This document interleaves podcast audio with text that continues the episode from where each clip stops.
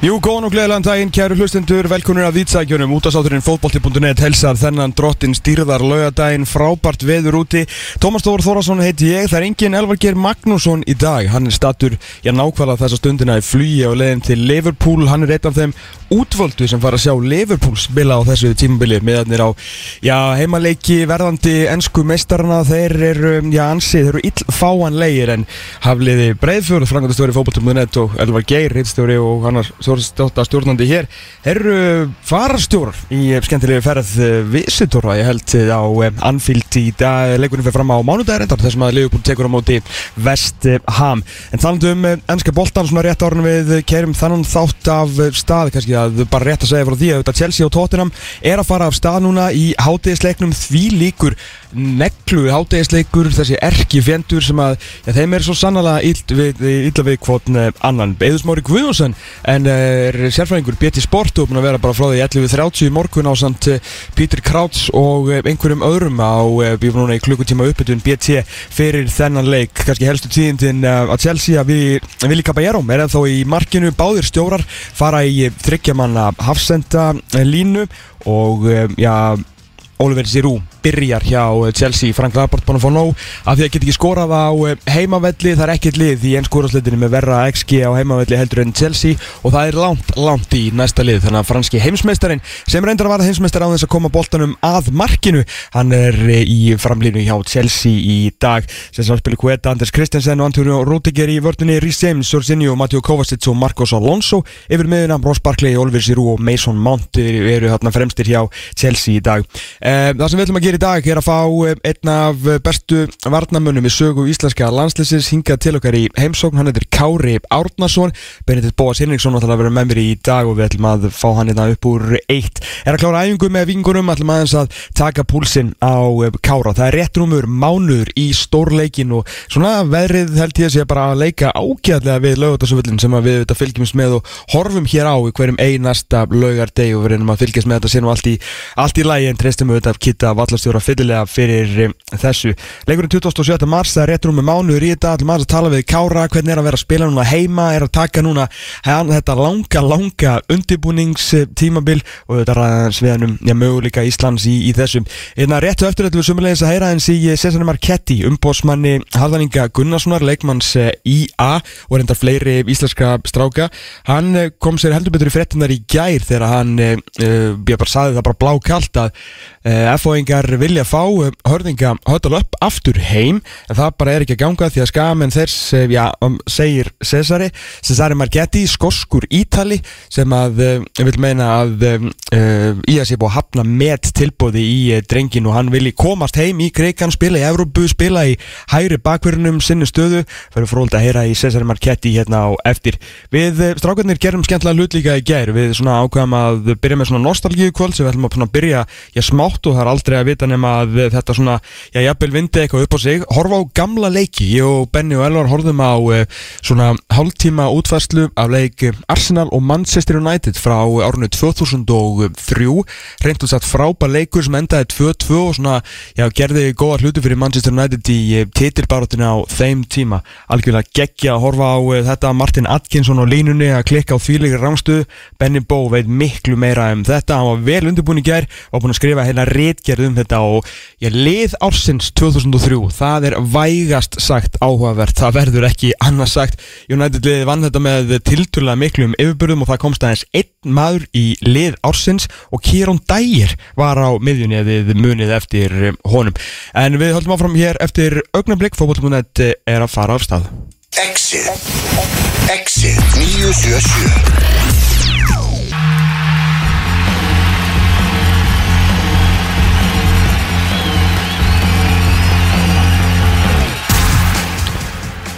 Það held ég út af sáturinn fókbalti.net að fara á fljúandi stað núna. Benedikt Bóðs Henriksson er mættur í hús og ég held hans ég á mæk 2 Aðeins og setna Það er í Það er nú allt í lagi. Veitu hvar varstu? Herðu, ég var að fagna ammali mömmu 66 Já. ára Og tengda dóttir hennar. Uh, Fanney sem sagt, Kona bróður míns Hún, hún var, eh, er líka á, á líka ammali 26 ára. Þannig að það var Það var örlítill brönns Mæting hálf 12 Þannig að ég náði smá. Náði smá. Ok, ok, ok. Þannig að það var allir hræsir. Herðu, ég var að segja fólkinu hérna rétt á hann hvað við vorum að, að gera í gær. Uh, Já, með skemmtikvöldið? Já, voru svona einhverjir í, í mínu lifi Já. sem að vildi nú meina að þetta væri það lúðalasta sem að nokkur maður hefði gert Já. eða nokkur menn hefði gert. Uh, Ég er náttúrulega sjálfsög hjartanlega ósammála því. Aðsálsum uh, Við horfðum á, hvað, þetta var svona hálftíma útvarsla Já af uh, Arsenal gegn Manchester United frá 16. april 2003 16. apríl, já, Já.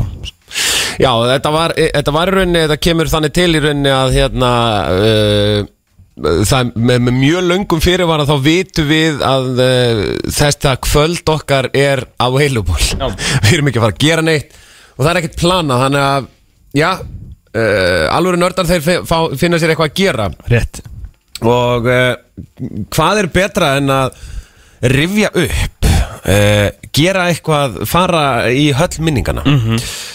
Og uh, já, við uh, í rauninni ákváðum að eftir hérna uh, hvað heitir þátturinn með Robert Pires og Soccerbox. Soccerbox, já. Uh, Robert Pires, þátturinn með Gary Neville uh, hann kom okkur svolítið á sporið um að Arsenal United yrði, eða þú veist, væri frábært. Já. Og, og Þessi leikir er þarna svona 90 frá Wenger. Já, svona nýtt, er þetta 98? Já, 8, 9, eitthvað Þegar þeir eru búin að náttúrulega taka í titil hana bara Já. þegar Wenger mætir og hann Já. svona lætur Ferguson svolítið vita að hér er komið lið til að, að svona challenge þetta á Einmitt. Og þessi leikir frá svona bara af 90 og kannski 7-8 ish Ish. til 2000 og Svo endar þetta í rauninni hann uh, Þegar allt fyrir loft í Pizzagate hann Já, já Svo er þetta svona hann 8-2 og það er svona eiginlega dauðin Já, á þessu þá hérna einmitt Ég var einmitt í, í Wayne Rooney í Sokkerbox-stættinum þá voru þeim að tala um bara, þú veist, ég held að Rooney hef einmitt sagt eitthvað bara við sáum þetta lið bara og þú veist, hvaða gaurar voru að spila hann sko. við vissum myndum rústa en bráðunum fórum út sko, þú veist, sem var alls ekki mentaldið þegar þessi lið voru að mæta sko. Nei. ég held að þetta hefði svona dáið þar það var Já. svona að fara í skrúuna hjá, En þarna hjá var, Wenger þarna var í rauninni Patrick Vieira og, og Roy Keane sko Bara- liðin eru bara þannig Já. að, en ekki Stuart Taylor í markinu, ungi, uh, sem er þá ungur náttúrulega, eru Loren, Martin Keown Ashley Cole og Sol Campbell í vörninni, Mhm. Robert Pires, Gilbert og Silva Patrick Vera sem að fór endar út af uh, snemma vegna meðsla og Freddy Ljungberg uh, á miðunni, Dennis Bergkamp og Thierry Henry frammi, Henry skorar tvö mörg færenda Mhm. boltar eins og nýsi og skorar síðan hann ansi hugurðið mark, þar sem er enda kolrángstöður Já, kolrángstöður Sko. og sá sem klikkar á línunni. Já. Það er Martin Atkinson. Æ, Með hár. Þetta er svo að horfa gamla leiki úr hérna, sko, hvað hétt deildin, trópideildin eitthvað, það er Eli Eiríks er á um. Árun hann var hérna, okkar besti dómari.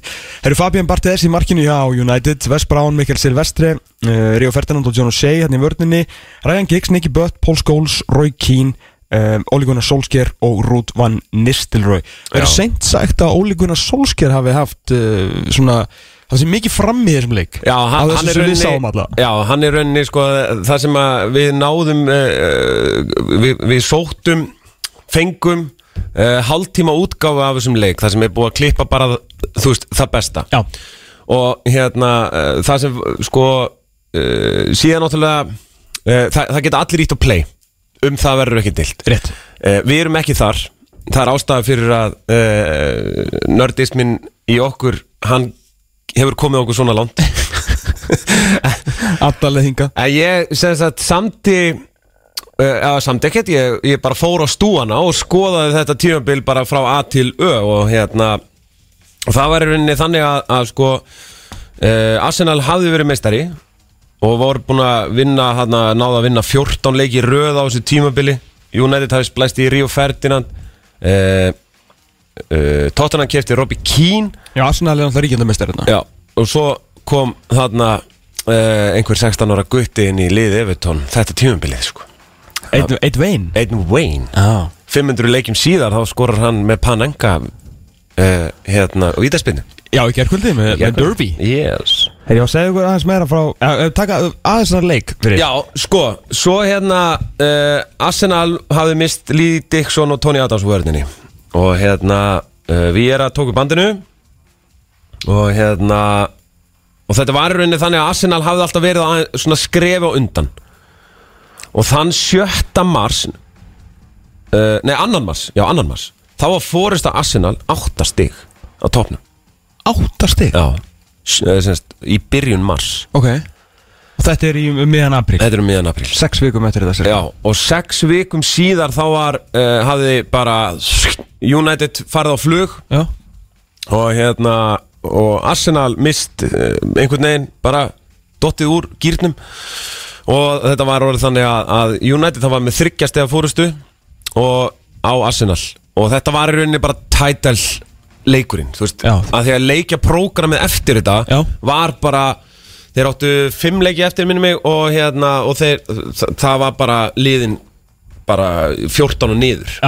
Báðu megin sko ok þannig að Þannig að jafntefli var voru fín úrslit fyrir United Já, bara rauninni- halda það frá sér Já, halda það frá sér sko. En það sem gerist í rauninni eftir þennan leik er það að, sko, Arsenal missi algjörlega momentunni og uh, þeir gerðu jafnteflið Bolton og töpuðu svo fyrir Leeds og þar með var bara, þú veist það þegar þú skoða loka niðurstöðuna Mm. á deildinni, þá er það bara United með, þú veist, eitthvað 82 og þú veist, Arsenal með 73 eða eitthvað sko Það er eins og þeir hafi bara svona rústað þessu Já. sem er kannski ógerðu Já. en það var alls ekki útlitið þannig í mars Nei, það var bara, ég meina, þá voru veðbankar farin að borga út og svona bara til hamingju Arsenal og, og Já, ok. þetta sko Ég hérna á gaman að horfa á þetta á, á, fyrir margarsæki, sérstaklega svona nýja í lagi var að eh, ég var að, Píti Krauts var að se- tala hérna, var í podcastinu síðan daginn Já, og spurður út í tæklingarnar hjá Pól Skóls Mm. hvort hann hefði verið svona ógeðslega lélur að tækla og hann segir hérna svona eitthvað, jú, jú, veist hann ekkert, frábærið því. En kom með alveg nýjan vinkil á þessar sögulega vondu tæklingar Pól Skóls já, hann vildi meina að hann væri bara með lista hann væri bara með naughty list. Og þetta var alls ekkit sko þetta er, Píti Kráts að segja þetta að hérna, þetta var eh, hann var bara að reyna þetta. Hann, var bara, hann fór inn í hvert leik mm. með það markmiði að ef það var eitthvað á listanum hans já, þá bara hjólaði hann niður sko. en það þú veist, voru rauðurspöldin ekkit eitthvað svakalega mörg hefðu kannski geta verið fleiri hann náttúrulega fekk stundum svolítið afslátt eins og í hérna title deciderum hérna mútið vikan um, á sín tíma. Uh, ég man, veit ekki hvað þú mannstu því hann átti að fjúka út af í fyrri hálfleik sko, fyrir með tvö gul, slapp bara að hann var Pól Skóls Já, en að því að maður horfa á þarna og hann, hann tók einmitt, tók hann ekki tæklingu sem hann tæklaði tvo, nei það var öðru leik Nei, það var þessum sko. Að, þá, þá, þá er Freddi Ljungberg með boltan og hann kemur bara einhvern veginn með skæra tæklingu og, og nærast, þú veist, náttúrulega eðlilega straujar Freddi Ljungberg. En fyrir aftan hann var sko uh, þú veist, Ray Parlor eða eitthvað skilur Já. og, og hann hann bara fer með sko. Og það næra hann að tveimur í einu sko það var rosalegt. Já. Herri, Sol Campbell fær rautspjald uh, það er og verið eina skipti sem að sá líka solskeiði í þessum leik. Hann Já. kemur svona aftan á hannum og, og hérna, ég man að ég man eftir umræðinu kringum þetta menn voru mjög svona reyðir uh, þetta var alltaf púra raut hann alltaf Já, bara já. olborinn í andlitið. En það sem er svo skemmtilegt í þessu þetta fekk maður mjög óvænta insýn því að hérna steadikamið á hliðalínni Já, bara tökum maður það, það var annarkvort sko geggjaður vinninu sinni Já. eða var að byrja. Já. þú veist, og vissi ekki að hann mætti ekki fara alveg ofan í Einmitt. og hann bara pikkaði upp allt hljóð þannig að þetta var eins og dómarnir voru mækjar því að aðstóðdómarinn sem að dæmir þetta frábælega hann tekur bara hérna og maður heyrir útskýringuna. Já. bara ég sé þetta hérna sem bara deliberate hérna bara to the face og hérna og hérna Headline Halsey. bara go away, go away. Og gefur hún sér raut og hérna kringlóttur rauðspöldin Og, hann voru mikið að vinna með þessi ringlóttu hérna þetta, mjög fyndið. En það sem að var líka sko hérna, þetta er sko uh, þarna í apríl er upphæfða endinum hjá, hjá hérna, David Beckham sem sagt hjá uh, hann var á bekknum í leik. já. Sko sko- þetta á þessum tímúti er stærsta leiku og þeir voru reyndar í hérna einhverju Real Madrid svona Já, sko, hann, hann, þeir, þeir, þeir steinla liggja fyrir Real Madrid Mm. og Ferguson er berjálaður eftir þann leik og segir bara, veist, það voru nokkri leikmennina sem voru ekki að gera það sem að fyrir þeim var lagt og því, ég man ekki, töpu 5 2 eða eitthvað, Mm. alveg eitthvað fáralegt og síðan hérna og það er greinlegt að það, Ferguson var reyður alla vikuna því að þeir mæta, mæta sko Newcastle í, í hérna hel, helgin áður Já. og þeir taka Newcastle sko 6-2 já, já. og skóls með þrennu Já, og það var bara eitthvað, þú veist menn þorði ekkert að eiga tvo slæma leiki undir Stjórn Ferguson sko. Og hérna, en í þessu Newcastle leik þá tekur hann David Beckham út af. Eða sérst, úr liðinu og hefur hann bara Beckham, hann er unused sub þar, síðan mætir hann í stærsta leik tímabilsins á Englandi og hann er bara Beckham. Og hann er unused sub. Og sko Ferguson gerir bara eina breytingu í þessu leik Já, um að þeir eru eins og þú segir í svo svaka leikjaprógrami Já. hérna á móti Real Madrid og alltaf og gerir eina breytingu.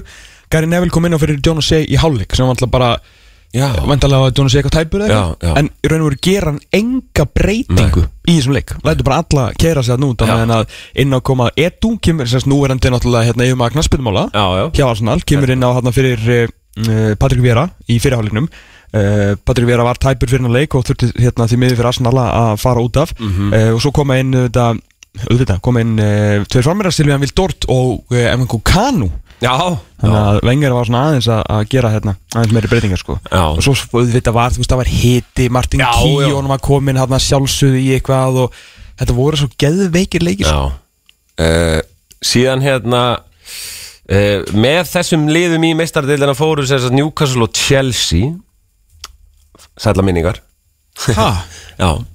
Það sem að hérna Alan Shearer skoraði 17 mörkaða tímabili og Gigi Sola sem var 36 ára skoraði 14 á þetta tímabil.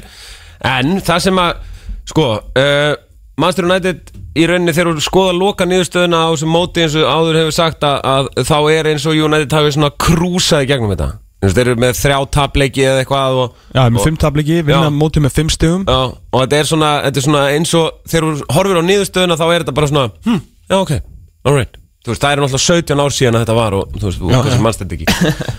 Uh, Hérna en það var ekki hannig og, og hérna uh, en United sem sagt skorar mest uh, átti Rúdanistilvau sem var markaðasti leikmaðurinn með 20 og hvað var ég, 25 mörg einu marki meira en Tyrenri uh, og fekk fæst mörg á sig þess vegna kemur svo litið óvart að Tyrenri var valinn leikmaður ásins Jeremy Jennas var valinn svo efnilegasti og lið ásins var uh, já Brad Friedel í vörninni Stephen Carr, Sol Campbell, William Gallas og Ashley Cole. Patrick Vieira, Scholes og uh, Robert, nei hann hérna Kieron Dyer og Robert Pires á miðunni og Thierry Henry og kongurinn Shearer frammi. Þú veist, United á einn mann og hann með, uh, veist, hann spilaði ekki alla leikina sko, að hann mittist og var, fór í aðgerð. Pólskóls Já. Þannig að það er ekki Roy Keane, það er ekki uh, Rút, það er ekki Río Ferdinand það er ekki Sýlum við, það, það er ábyggilega hægt að þylju meira -hmm. en, en uh, þeir, þeir fá einn einn hérna, einn fulltrú Jeremy Jenas efnilegastur, hann var uh, ógeðslega spennandi líka á, á þessum tíma þessum tíma. En þetta er náttúrulega sko að þú tókst það að Newcastle Chelsea fór uh, áfram í, Mm. í hérna, Champions League að Þetta er náttúrulega uh, hérna, Battle on the Beach loka leikur tímbilsins hjá Chelsea og Liverpool. En náttúrulega leikur Chelsea og Liverpool sem var bara hreinn ústilda leikur um fjórðarsætið þar sem að leiðin voru jöfn að stigum. Þetta er grönkjær markið hann með Jú, vinstri. jú. Já. og hérna Eður Smári var uh, startaði þennan leik en uh, Gianfranco Sola í kveðjuleiknum sínum var á varmanabeknum Já. og sagði hérna í Seiri Legends þættinum uh, sem að hérna, ég veit ekki hvort að við séum við menni síningu á Simirsport að hérna það sé bara í fyrsta og eina sinn á ferðlunum þar sem hann svona var við það bara að fara til þjálfarans þegar hann sá að hann var á bekknum og svona, svona þetta var, hann var ekki alveg að kaupa þetta sko. Það er svona kveðileikur og hann fekk alveg þvílíkar hérna var þvílíkt hildur sko. Ég var einmitt að að skoða þetta alltaf mann í kringum hérna. Þegar við heldum að við varum að fá sóla þarna þegar við fengum fengum síðan gassa sko. að, að þetta var, þetta var eh, sáleikur það er mikið hérna mikið hildur eftir leik. Frank og Sóla Þetta er náttúrulega sko síðasta tímabilið uh, Þetta er síðasta tímabilið hjá David Beckham hjá Manchester United. Þetta er síðasta tímabilið áður fyrir Abramovich. Síðast tímabil uh, hérna uh, hjá fleirum líka sem ég er algjörlega búið að stela úr mig Þetta er Bobby Robson Newcastle ekki? Jú. Og hérna Þú veitur eitthvað verið hana já, þetta var skemmtilegir. Já. Og bara með svo með svo mikið heiðusmann sem stjóra sko. það var, það var ógæðslega gaman að halda með njúkslega þannig Já, ég, ég mynd horfði hérna á, á góðan vinn sem heldur með annan en þig eh, sem heldur með Newcastle Ég horfði mikið á það hérna í kringum þetta og svona Champions League og við voru líka í voru líka UEFA Cup Já. á, á þessum tíma. Mhm. og hérna voru reykjala skemmtileg þar og skoruðu mikið af mörgum og, og svona. Það það var Brad Friedel er, er valinn í, í lið ásins mm, Það var einn rock solid uh, bandryggi maður í, í hérna rammanum. Og ég fór nú svona aðeins að pæla sko, veist, eh, Tim Howard var vissulega mjög góður og, og, og átti sinn feril og allt þannig en sko að þetta er í svona í upphafs tímabili bandryggina Já. sem svona soccer nation uh, þetta er hlýtur að vera sko e, þú veist manni finnst að það er 17 ár síðan þetta var. Uh, og núna er alltaf hana Gigi Reyna uh, Junior hana. Já, komin og hann er uh, fættur á þessu ári sko. Já, og Pulisic. Og, og Pulisic, er hann líka 2003? Nei, nei, ég segi bara, þú veist, Já, svona, já, já, að að þeir já. eiga tvo spennandi unga. Já, er ekki sko, vantar ekki aðeins upp á Soccer Nation USA þú veist þeir eiga bara tvo í rauninni heimsklassa er það ekki? Jú, jú, jú, algjörlega sko Er ekki- Ja, Ekki spurning, Já, þetta, hérna, þú veist, við, Ísland á einn sko, þú veist, í world class Já, þetta er náttúrulega bara, þú veist, sko fótbolt í bandaríkjunum sem einhver alvöru eitthvað alvöru þing er jafn gamalt og HM94 sko Já. Þú veist, ef við pælum í því og Já. muna, fyrstu árin þeir voru að slíta barskónum hann í MLS-dildinu og reyna að gera eitthvað, þú veist, þetta var náttúrulega hálfgert djók sko Já, já. Að mjög lengi, það náttúrulega má ekki gleyma því hversu hversu ung íþróttin er í bandaríkjunum sko. En, en ég er alveg sammála, þú veist, þú ert með 360 miljónir manna, þú getur svo sem alveg verið búin að ná upp fleiri góðum, Já, sko já En- fleiri svona world class Þeir eru náttúrulega en þú sér líka að sko hérna, samlefnar með náttúrulega bæði reynalitla mm. og Pulisic, mm. þeir fór ungir sko Já, þeir fara 15 og 16 bara Já, ég hef nefnilega Já. svona takmarka trú eins og staðan er akkurat núna á svona uppbyldistarfinu hérna í, í bandaríkjunum sko. Maður svona hefur fyrir, ég, því alveg pælt í þessu sko, þú veist, þeir ættu að vera að gera betri hluti sko, það vantar ekkert að þeir setja peningi í þetta og þú veist, þeir eru með aðstæður og allt sko. Og En svo náttúrulega spurning núna eins og þá er náttúrulega City komið með hana New York City og þeir vita nú sko þeir eru að dæla peningum í það og þú veist New York og allt þetta sko. Mhm. Þannig Ég meðal þú veist, þeir eru að koma. Já, Þetta er kannski gera Ég veit ekki hvort það sé sanngætt að segja þetta sé að gera staðins hægar en maður kannski bjóst við eða kannski er þetta bara á pari ég meina, þú veist, 90 og, og 4 hvað er þetta gammal sportanu? 30, já, er henni sko 30 ára gammalt En það er sko að því að uh, þú er henni þú ert búin að vita í tíu ár hvað Katar allar að gera Mhm. og Katar allar að vera bara með samkefnisæft lið árið 2022 mm Mhm. Fjórum ári síðar er bandaríkin með HM sko. og við- Mhm. þú veist hvað hefur, what, what have you done for me lately sko, maður í rauninni veit ekki mikið sko Nei, og með við að þeir hafa- bandaríkjumenn er alveg góður í fjölmjölum sko heldur betur þeir eiga hérna 6 já það eru 6 ári í, í hérna World Cup of the Americas Já, Uh, það sem að þeir náttúrulega munu trana heldur betur fram og treysta á uh, Pulisic og uh, reyna áendanlega sko. En það þarf alveg fleiri með ég menn þú veist maður er verið að sjá highlight úr þessu náttúrulega þeir komist náttúrulega ekki á síðasta HM sko, við, við litla hrifningu manna þarna í, Já. í bandaríkjunum sko. Einmitt. en það var öruglega hérna sko stjardfræðilegt wake up call Já, þá, sko. já, Já, ég meina já, veist að komast ekki gegnum CONCACAF.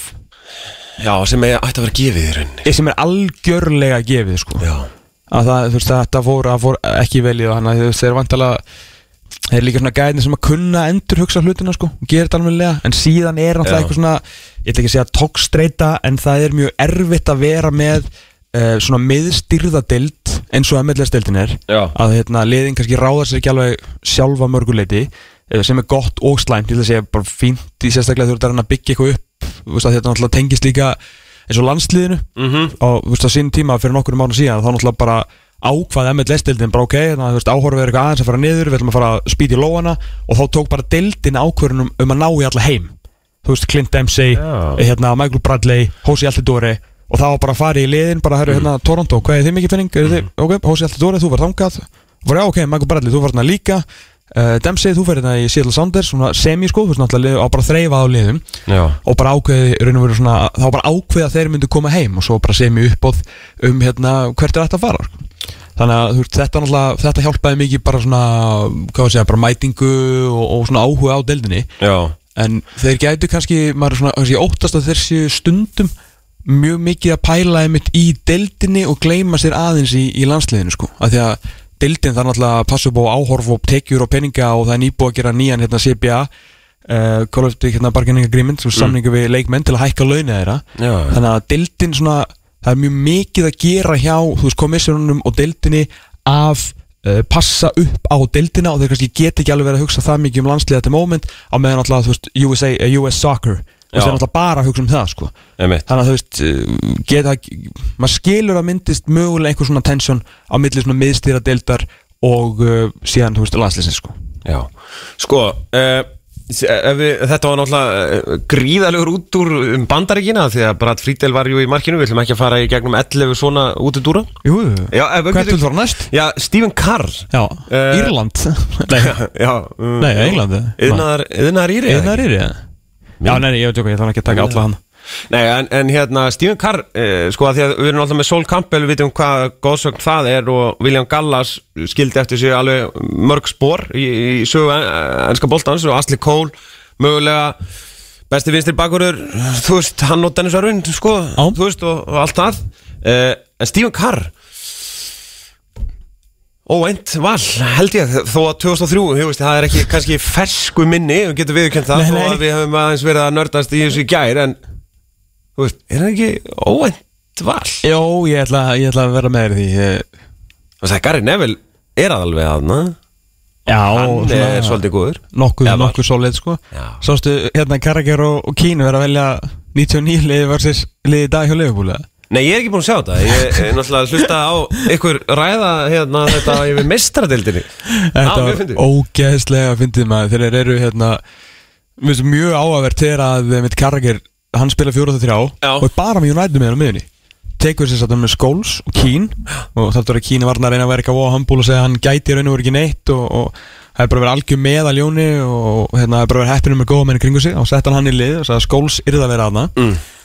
sett hann og sagði að að aðna Mm. og að spila 4-3 og ég er svona, já, hann lítur að setja Henderson. Og skar ekki mikill Henderson á sko, og Henderson alltaf, ein, bæting á einum leikmanni þetta lítur að vera bara eitthvað sögulegt sko, menn ég aldrei séð hann aðeins.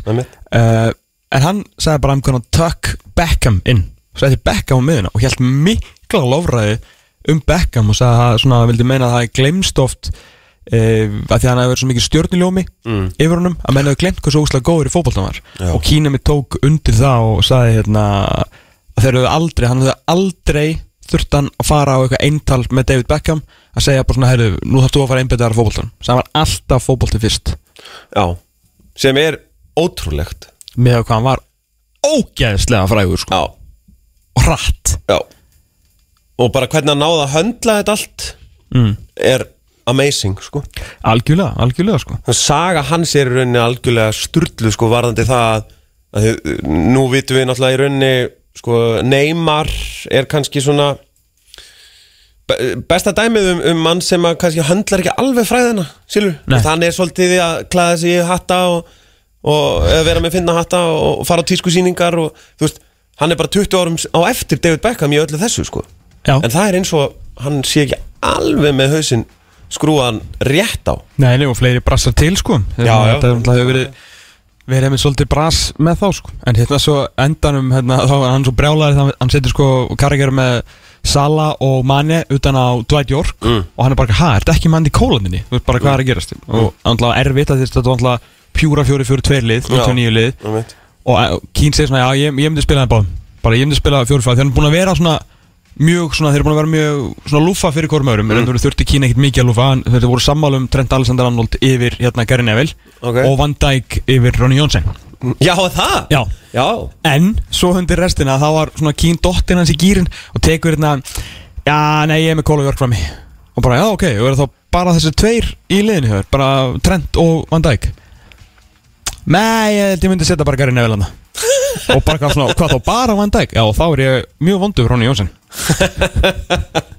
En hann sagði, sagði við Karraker að hann verið tilbúin að koma aftur undir logtíðinbilsins og, og endur sko þetta þegar þetta lið væri sérst búið að Já, já. vinna deildina og mögulega vera þeir þú veist, vinna þeir þrennuna sko. Þetta er allavega alveg nógu gott fótboltalið til þess. Já. Herru, við hérna, allan að sáum að það er hægt að vinna þá með því að sko vera mest óþólandi lið í heimi ég held að þurfa ekkert minna en það sem allir koma að þetta gerði sko. Nei, einmitt. Við tölum aðeins um mestarættindina hérna á eftir. En næst á Dasko, ef við náum ég ég ætla að tjekka hérna meðan við förum í smá lag er, eh, ætlum að reyna að ná á Cesare Marchetti umbósmann Harðaringa Gunnarssonar. Sá var í frettunum í gær Það ég fókbalti.net heldur áfram og við ætlum að eh, heyra hér í eh, Cesare Marchetti sem er umbósmaður Harðaringar Gunnarssonar leikmanns eh, IA Hann var í frettunum í gær var að segja frá því, greindi bara beint frá því að eh, já, þeir væri búin að gera tilbóð F-fóingar sem að skæin ég vildi, væri búið að hafna Cesare Marchetti, are you there? Hello, how are you? Ah, very good, and you? I'm good, I'm good. Yeah. Today, where I am, it's like the apocalypse with a hailstorm. Um, always good. okay, actually, when there's finally a good weather here, so we send the storm over to you. Yeah, I think, I think, I think when it, it hits you, one, two days later, we get it. yeah, I think I think so. Um, you you were talking about uh, your client uh, uh, yesterday on on footballtip.net. Uh, Yes. Just and very very yeah, things you might oh not always see uh, some you know these words maybe from an agent this you know just blatant saying the things how they are. Uh, what came about that you just wanted to just lay everything on the table? Well, I think, first of all, I'm not a big fan of speaking to the media Yeah. about my players because I would rather deal directly with the club and, and keep things in house. Um, however, sometimes that's not always possible. Um, as I said, I think in the interview yesterday, I think was printed. Um, let's say I've not actually read the interview, um, but like I said yesterday, uh, for three weeks, FL have been submitting offers for the player. Okay. I've had conversations with the club. Uh, the players had conversations with the club, and even the player's father has had conversations with the club and FL. And to be honest, it, it really just it really just kind of has got to the point where, you know, as I say that they're not really there isn't really any constructive talks. And yeah, I think I think also there's there's been some things written about it. So I think it's like I say, I think it's it's something that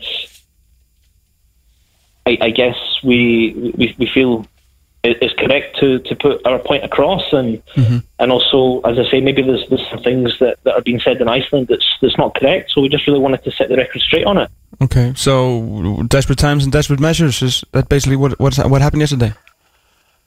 Yeah, because I mean, I think I think if you if you've got to sort of look at the the bigger picture of, mm-hmm. of the situation, and you've got to look at the fact that obviously, first of all, Horder is a right back. Yep. Mm-hmm. He's, he's been listen. He's done fantastically well playing left back. He's been very very competent at left back, um, but you know the fact remains. Obviously, he's a right back, and mm-hmm. despite, like I say, many many conversations with the club, they you know they they see him purely as a left back. And mm-hmm. I think, first of all, with this opportunity to go to FL, which is his boyhood club, he's mm-hmm. going he's going back home to the club that he grew up in. Um, he's got the, the chance to play in his natural position. Um, and obviously, you know, Hor- Horder harbours dreams and ambitions of playing abroad, which won't be realised at, at left back. So I think I think obviously when, when you look at this this scenario, um, the offer that came in from FAO would have made him a record transfer between Pepsi League clubs with a with a very very generous future percentage of sale. Mhm. He'd be playing in his natural position. He'd be playing uh, European football, which I think for any player uh, who you know harbours ambitions of progressing their career and and going to the highest level they can, you know that that's something that's invaluable. I mean, if you look at one of my other clients, uh, Bodvar Bodvarsson, uh, he, he he was he was excellent in the Europa League against Maribor and against Braga, and you know pretty much the European games is what swung him to to get a very good move abroad. And I think for is with uh, Akrenes, you know, to spend another year playing out of position as a left back, it's it's going to hamper his career. I don't think he's he's going to be able to uh, realise his ambitions because while he's done very very well, any club that is watching him can tell that he's not a left back, but cannot see him play a competitive game as a right back to, you know, make a judgment on him whether, whether or not he, he could do a job for them in that position. So I, I think I think the sort of the situation that we're in just now um, is frustrating because obviously the player wants to wants to go back to his boyhood team. He wants to progress his career. Um, he's he's owed, like I said, like I said in the interview, he's, he's owed substantial bonus still from last season. The the offer from FO, the last offer was on Wednesday, was rejected yesterday without On on, on what grounds? Just uh, they want more money, or just ab- just don't want to lose we've, him? we've just, we've just, I mean, let's say, I think there's been about five offers so far, and all Oh. the hmm. offers have just been a case of rejected, not for sale, rejected, not for sale. Yeah. Hmm. not not giving us a price on it. And what what the what the club are saying to me is that we'll, we we can sell him abroad for a lot more money. But you know, I'm an agent who has seven years' experience in Europe mm-hmm. I'm based in Europe. I deal with clubs across Europe very successfully. I've made some incredible transfers, not only with Icelandic players but just in general. Mm-hmm. And I spoke with in excess of sixty clubs for the player, mm-hmm. and the feedback I've got, you know, I've got piles and piles of scouting reports. The, the, the feedback is is unanimously the same. He's a good player. He's got a lot of potential. He's done very very well, especially in the under twenty ones. But we can tell he's not a left back. He's a right back. He's right footed. You can you can see it. Yeah. Um, for us as a football club to buy a player, we can't buy him as a left back, but because we can't see him in com- a competitive game, um, you know, you know, obviously a club needs to monitor the player and watch them play in a position before they can they can be comfortable to sign them and bring them in to to play that position. So I think I think where we are just now is IE have a very very uh, unrealistic expectation in their head that somebody's going to magically pop up with a, an offer from from abroad uh, and buy him. And I think ultimately that's not going to be the case. Um, like I say, we've we've- you know we've had a you know we, we've had the whole sort of winter period where that's not happened. Yeah. If I've came to the table, and bear in mind it's a player who Acton has got free of charge from FL. Um, FL, you know, put something very generous on the table. The player's willing to forego his bonuses at a Rhodes to return back to his boyhood club. FL are willing to give him the opportunity to play as a right back and play European football, which will not only benefit the player because in FL, um, he's he obviously first of all he's going to have better facilities in FL. Secondly, like like I said, he's going to play in his position. He's going to play European football, and he's going to have better players round about him, which is going to help him develop and progress. But then at the end of the season, if he, you know, like I say, if he if he does good in Europe, and I've got no doubt that he'll be the best right back in the Pepsi League. Mm-hmm. FL can sell him abroad, and not only will FL benefit, but Acronis will also benefit from the, f- the future sale as well. So I think it's a scenario where people can under, people I think can understand 100% how the player's feeling and, and that he wants to progress his career. But at the moment, he's being basically held captive by Acronis. And, you know, like I say, despite three weeks of, you know, tr- trying to reason with them, you know, tr- trying to get a solution, uh, we're basically just in a, in a situation where they're just saying, no, not for sale. Okay. Uh, you obviously uh, had uh, many uh, talks with many European con- uh, clubs uh, ar- around your career. Uh, is it uh, is this what do you what do you call it abnormal uh, to this uh, scenario? Uh, so, sorry, Uh, it- explain sort of what, what is, is, is Akranes uh, behaving more different than any other clubs you have been talking with for the last seven years? One of the, I think one of the big things is normally when, when you call a club, the sports director picks the phone up. However, with Siggy, um, a difficult man to to get by phone. Um, so yeah, I would say that, that the conversation from the club's point of view is more they want to bury their head in the sand and don't really want to discuss it. I've had conversations with them where, like I say, I've tried to, I've laid out exactly what, what I've said, which is that I've spoken with many, many clubs. I was even in the under 21 game in Italy uh, in November and I had a team beside me that, that I brought from Denmark. I had also uh, Serie B clubs, uh, scouts there as well with me. And universally, I said the feedback is the same, and that is that he's a great player. He's got a lot of potential, but he's not a left back. You can tell he's he's a right back. So, but like I say, the, the the club they don't. This is something they're not willing to listen to. They're saying nobody, but he's he's, he's left back for the the twenty ones and. And well, we'll sell him abroad for a lot of money. And as I've said to them, well, where's the offers? There- isn't any offers. So, like I say, I, I don't want to be disparaging towards the club because I don't think it's it's right. But I think when you're you're dealing with a a young boy's career, a boy who has a lot of potential, who the coaching staff in the under 21s national team um, will tell you that they see him as a potential right back for the for the first team national team. Um, you know, if he plays and progresses, he's, he's very very well thought of. He's got a great attitude, and you know, all the boy wants to do is, is play football and, and build a good career for himself. But I think in, in this scenario, obviously the club have one thing in their mind that isn't realistic. If it was realistic, like I say, somebody would have made an offer from abroad. They've not. Um, but the club, obviously, for whatever reason, seem to think that they know better, um, and and they can they can realise more money from from overseas. But you know, I think as the market is showing, that's not the case. And, Yeah. and what we what we're trying, everybody's trying to explain is that you know, if you, if you send them to to FL, only are you making money just now, but in the future you're making you're making money, and the best the best way to realise uh, the, the the player's potential and the future of the player is for the player to be playing in his natural position Yeah. and play European football. I mean, if you look at one of my other clients, uh, Bud Varson, for example, you know, when he was in FL, I mean, they, he played in Europe against uh, Braga and he got two goals. Yeah.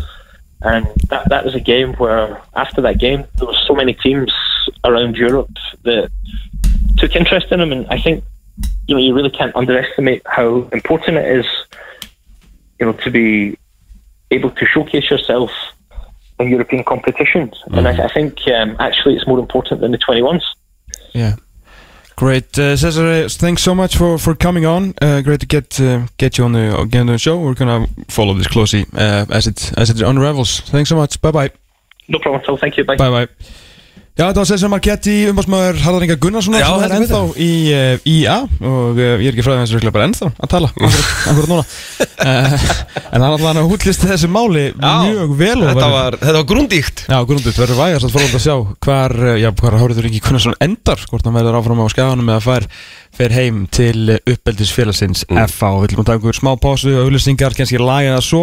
Svo er uh, komið að mannunum í hjarta varnarinnar uh, stolt uh, vikingskári Átnarsson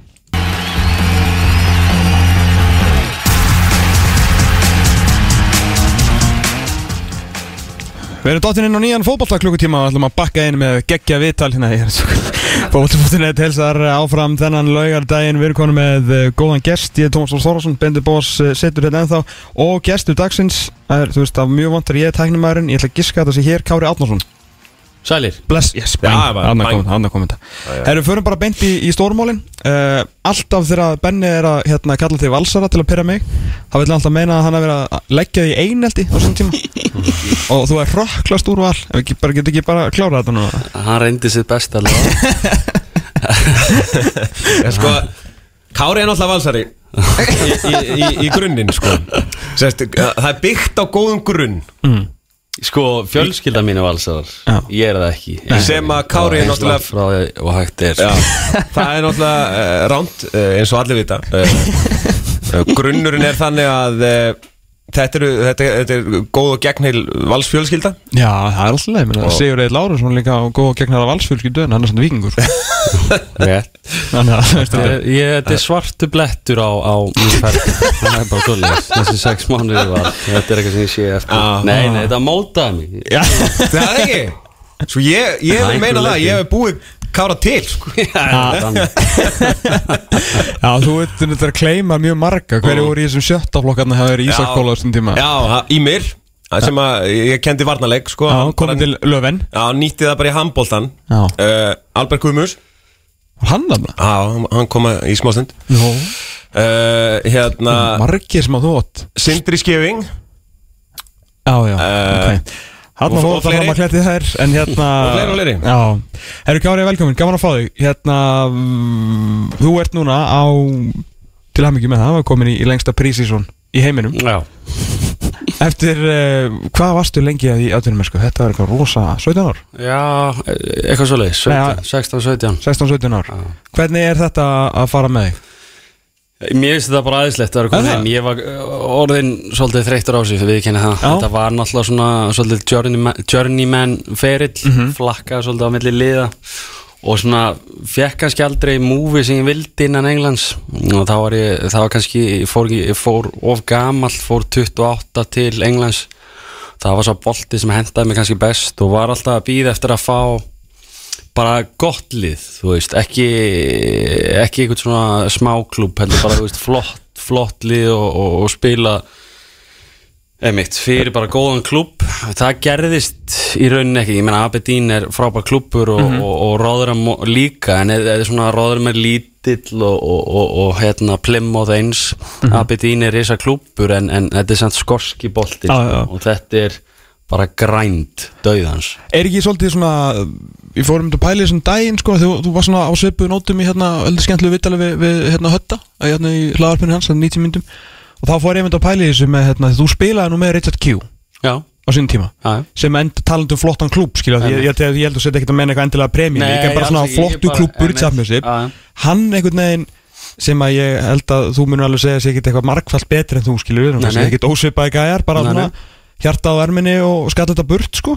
Nei, nei. uh, úst, en hann endar sem fyrirliði og okkur að þú veist 300 leiki fyrir Darby sko. Já. það var kannski svona það sem þið langaði Algjörlega, Já. það var eitthvað svo leiðis bara, þú veist, Chef Wednesday eða Chef United Já, eða þeir voru í Champ og ég meina, mm, það svo sem var einu sinni á bóðstólum en það voru í League One og ég bara netti því ekki aftur að fara í, í þann pakka en, en hérna ég hefði kannski betur átt að gera það en uh, eitthvað svo leiðis, bara einhverja flotta svona establisera gamla flotta klúba Já, en hvernig er svona eins og auðvitað er náttúrulega gríðalegu munur að vera á veist, hvað ég prísið svona er langt í raun og veru færðu svona mánuði í frí?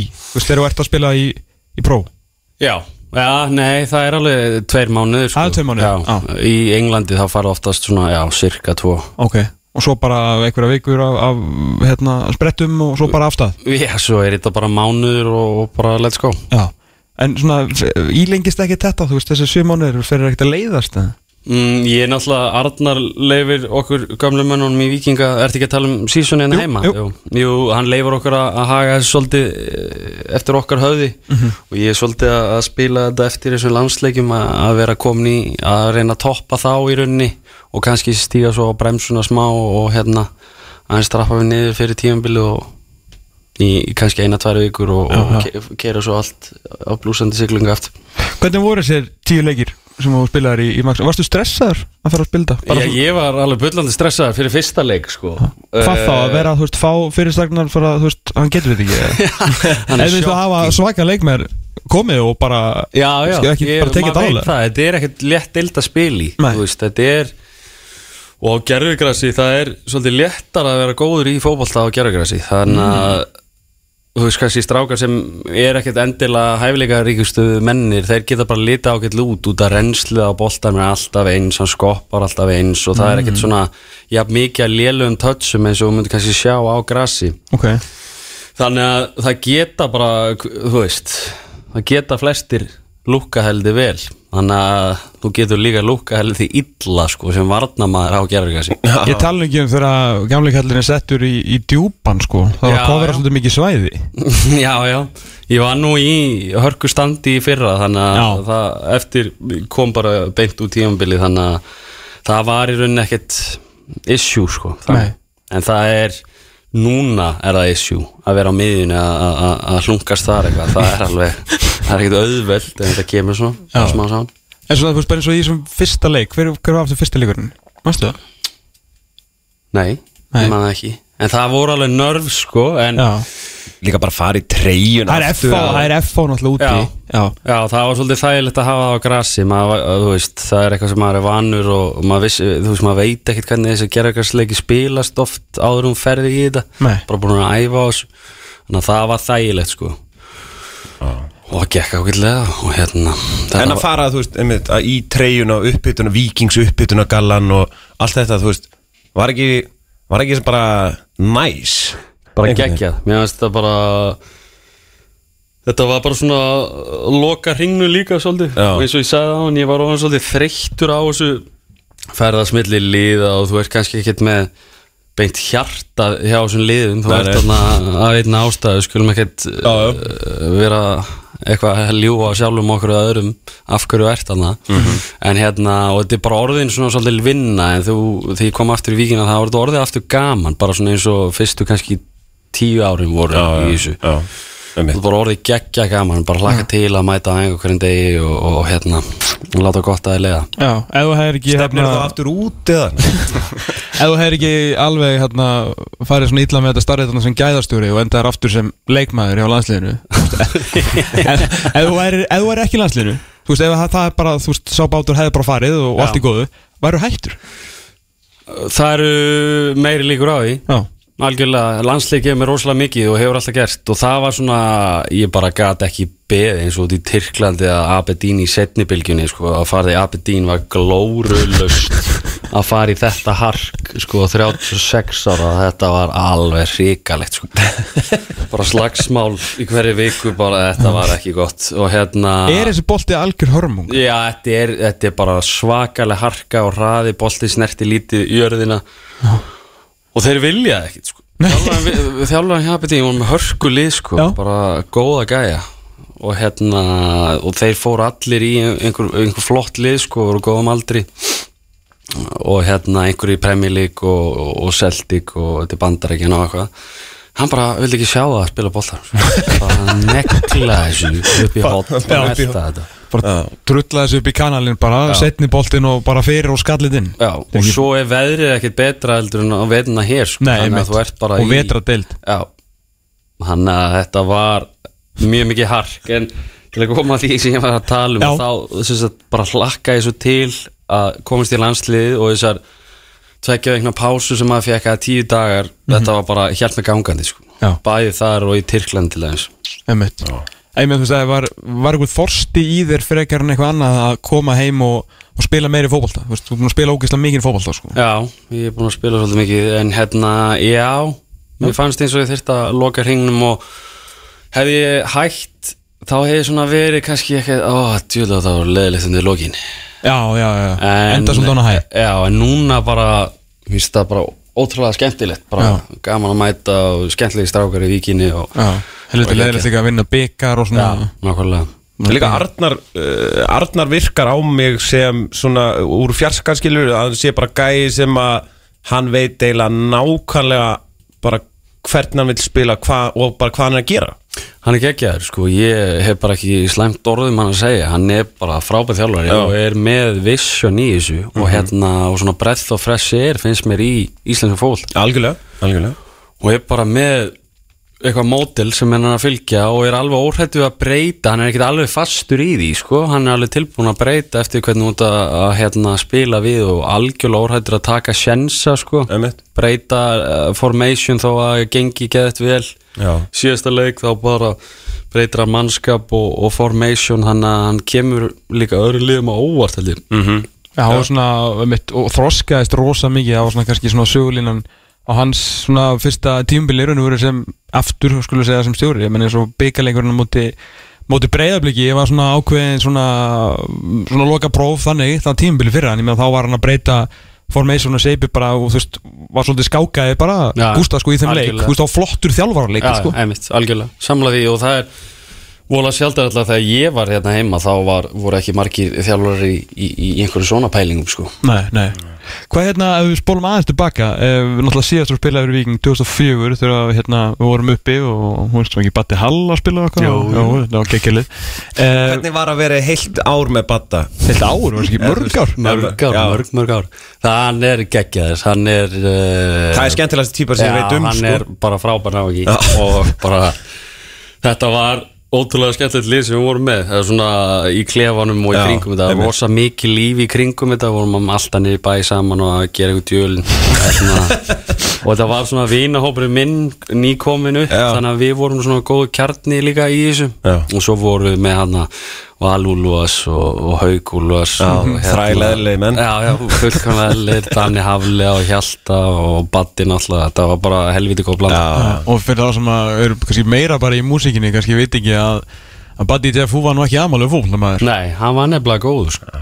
og hann er það ennþá sko. Já, hann er það, er, það er ógeðslega gaman að spila með honum. Við fáum njótu þess heiðis að fá svona taka sjömannabolta með hann sko. Fórum pollamóti og svona gaman sko. Já, Hann er mikið, mikið viss hún kraftur í hann sko. Ég læt það nú vera. Hann var þvílíku kraftur. Hann var alltaf kallaður F1 sko. Hann, hann reynda gengst ekki við því. Ég er alltaf að útskýra fyrir hann bara Júband mynd. Og þú varst kallaður F1 sko. Hann vil ekkit, ekkit ekki það. Hérna Hver var að þjálfa þá? Siggi, Siggi, já, Siggi svona var, já. Og Lúkan alltaf líka. Já. Blissi Bjartmas þetta vá. tímbil sem þú fer hérna út 2000 og- 2004 uh, Hvernig það var náttúrulega var, var djurgarðin Voru þið búin að skoða þið mikið? Manstu hvernig það var? Þetta var, ég var náttúrulega í háskóla úti. Hérna, ég fó, var búin að vera tvö ár í, í skóla og spilaði bara heim á sumrin. Já. Og svo eru þeir að skáta sölva sko. Já, var það ekki? Já. Og alveg skiljanlega hann var hann Ókesslega góður. Flott hár líka. Já, geggjað hár. Smurðað með smjör Hérna Já, þetta var einhver leikum þetta Grindavík og ég spilaði mjög vel og, og hérna og þá kom einhver áhugi mm. og misti framtennur í þessum leik og eldi svo einhvern hann á röndum bara. Þá var til að Siggi kipti mér út að sá í hvað stemdi og hérna og uh, já, og svo fer ég bara út í skóla og svo kemur í rauninu bara kallið að þeir vilji ganga frá sem díl. Já og ég ákvað að kýla bara á það þetta væri svona kannski once in a lifetime opportunity og sjáum, þú veist, setjum bara námið on hold já. og kýlum á þetta, Já. sjáum hvað gerist Hvað varst að læra? Ég var þá í broadcasting Þessu hérna gigi Nei. Jú, jú Byttu nú við Já, Og varst í þá eða hættur það já Ég Já, ég hérna Ég Svo, svo fór ég bara aðra leið í, Já. í, í námi Gamla góða viðskipta fræðin bara Já. Já, það ekki Það var ekkert annað í boði. Byttu, all, hérna, ertu með einhverja einhverja drauma eða alls ekki drauma um að fara eitthvað í sjómar Þú ert búin að þessu Nei, já, nei, nei, enga, enga drauma En mér mér finnst þetta alveg gaman Er það? Já, já, alveg ef að eitthvað Mér finnst alltaf sem sé vera að pína eða þeirra að, mæti. ef að kalli kemur þá er ég alveg til að taka. Já, svo vantur það er hrættu. Já, vantur það er hrættu við að segja skoðan Miklar segja það því Nákvæmlega. Herru, hérna, talaðu tala eins um, um lögatarsvöllin sem við erum að horfa hérna Það eru 30 eitthvað dagar í, í leik. Hvernig svona, þeir eru bara að vera að tala um völlin og snjó og gras og eitthvað svona. Hvernig fer þetta inn í hausin á þér og, og ykkur heldur?